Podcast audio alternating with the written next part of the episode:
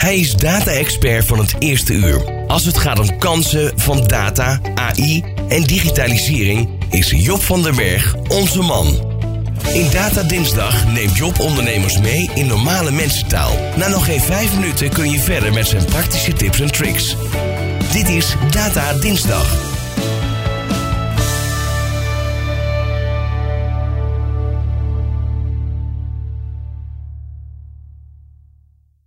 Dit is De Ondernemer live op Nieuw Business Radio. Ja, want ook in deze laatste uitzending voor de zomerstop is Job van den Berg, data- en AI-expert, aangeschoven om eh, in de wonderwereld van data en kunstmatige intelligentie te duiken. Ja, het hoofdonderwerp van vandaag is natuurlijk investeren, equity funding. En daar kan uiteindelijk ook AI een rol bij spelen. Zo is gebleken. Stel, je bent een ondernemer en op zoek naar investeerders om je onderneming te laten groeien. Kan AI hierbij een nuttig hulpmiddel zijn? Een recent onderzoek van Clarify Capital toont aan dat AI zeker een overtuigend middel hiervoor is. Er werd een experiment gedaan waarbij 250 pitch decks volledig door mensen werden geschreven en 250 met behulp van ChatGPT. Uiteraard waren de financiers niet op de hoogte hiervan. Zij ontvingen de pitch decks en gaven hun oordeel. Wat bleek? De met hulp van ChatGPT geschreven pitch decks hadden een driemaal grotere kans op financiering. Bovendien beoordeelden investeerders de door ChatGPT gemaakte presentaties als twee keer overtuigender. De kwaliteit werd ook beter beoordeeld. 75% van de deelnemers vond de kwaliteit van de door ChatGPT geproduceerde pitch decks zeer hoog in vergelijking met slechts 31% voor de menselijke equivalenten. Is deze uitkomst opmerkelijk? Ja en nee. Nee, omdat ChatGPT een taalmodel is dat op basis van statistiek in dit geval tot pitchteksten komt. Dat is gebaseerd op een bibliotheek aan kennis en informatie over pitches uit het verleden. De gebruikte informatie is zo uitgebreid en veel dat kan een mens niet bevatten en reproduceren. Of de teksten inhoudelijk perfect kloppen is de vraag, want ChatGPT blijft gebaseerd op statistische waarschijnlijkheid en komt nog wel eens met opmerkelijke uitkomsten. Niet zelden door zogenaamde hallucinaties waarbij het model een eigen waarheid probeert te creëren. Het zou zomaar kunnen dat er in een van die pitches een trend werd genoemd die helemaal niet gestaafd is.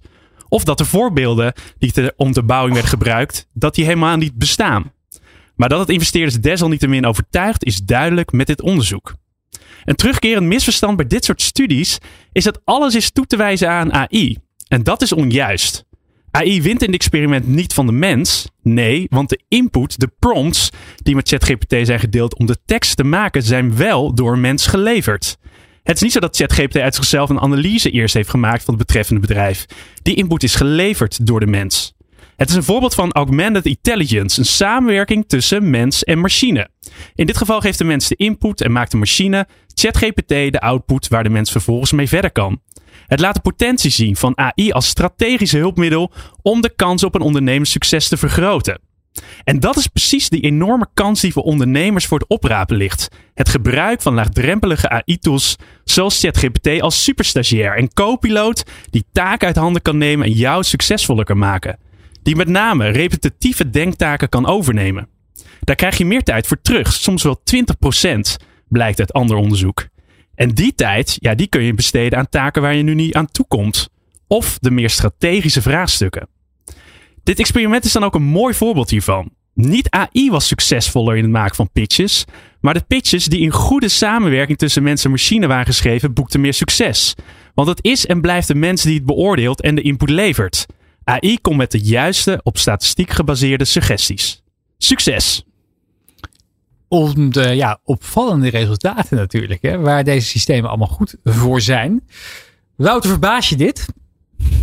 Nee, ja, ik vind de, de, de eindconclusie heel, heel interessant. Hè? Dus de conclusie dat de mens inter, interacteert met de AI tot ChatGPT in dit geval. En dat dat tot een beter resultaat leidt. En dat ja, in mijn zin logisch klinkt. Denk ook bij zowel onze klanten als ook bij ons intern gebruiken we steeds meer AI.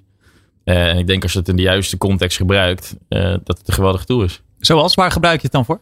Uh, enerzijds Ali Nicknam van Bunk was daar de eerste mee. Die heeft nog een rechtszaak gewonnen van de DNB. Die doet namelijk zijn hele KYC op basis van AI. En dat is voor ons Sorry, zijn?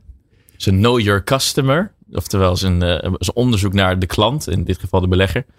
Uh, grote inspiratiebron voor ons. Dus ook onze KYC. Uh, het onderzoek als een belegger zich bij ons aanmeldt. Gebeurt op basis van AI die allerlei sanctielijsten eh scraped. Of dat iemand een politically exposed person is. En heb je dat intern zelf gebouwd? Heb je daar een tool voor ge, ge- ge- ge- Ja, we hebben een? IT-partner die dat samen met ons eh, heeft ontwikkeld. Ja, Eh, en we hebben dus een mens achter de knoppen zitten. In dit geval heet dat mens Pepijn. Een hele fijne gast. Eh, die, Pijn GPT. die, die deze tools gebruikt om, om de beleggers te beoordelen. Ja. En zo. En mocht er iets spelen waarvan wij als mens zeggen en ons beleid zeggen. Nou, deze belegger kunnen we accepteren ondanks deze alerts. Maken we daar een rapport van, slaan we dat op. Zodat we altijd Ja, een precies. Dus- audit trail hebben van waarom we wel of niet iemand Ik doorgelaten kan me goed voorstellen. Kijk, Pepijn hoeft niet inderdaad eh, het hele van, van iedere 13.000 beleggers die zich hadden aangemeld, de hele eh, Nee. doopcel eh, te gaan, te gaan doorlichten. Nee. Maar misschien wel van een paar mensen waarvan inderdaad wordt ge- geflekt, wordt aangegeven. Van, hey, wacht eventjes, deze heeft inderdaad wat connecties met, eh, met bijvoorbeeld de politiek. Ja, ja, en dat gebeurt wel eens regelmatig. hè. Als iemand dan in de gemeenteraad van Valkenswaard zit, is niet zo heel spannend. Ja, dat, die zit dan niet op Maar- broccoli, want dat, daar zitten alleen maar mannen van in de 40, hebben we net gehoord. Oh ja. oh ja. Uit Amsterdam. Voorbeeld, Uit Amsterdam. voorbeeld. Know your customer. ja. Ja, heel goed. Doen jullie veel met data verder intern? Eh, ja, dus eh, als En- een en- partij bij ons gefund is, maken we altijd een datarapport. Hè? Dus gemiddelde investering, hoeveel mannen, hoeveel vrouwen, gemiddelde leeftijd, waar komen ze vandaan. Eh, en daar komen telkens weer hele interessante learnings uit. En onze groep van beleggers wordt steeds groter om daar ook echt bepaalde dataregressies op te maken. Om bepaalde patronen of vergelijken te kunnen maken. Ik ben er toch wel benieuwd, eh, Wouter. Ik, ik zie het, mijn woorden, hè, maar ik zie het zo voor. Jij als soort de, de, de, de young genius. En dan heb je Dirk Neleman, de, de rasondernemer. Want zo, zo kan je hem denk ik wel noemen. Zeker. Ehm, hoe reageert hij op, op dat soort ideeën? Want ik neem aan dat die van jou komen. Of is Dirk de man die zegt van je moet wat met AI?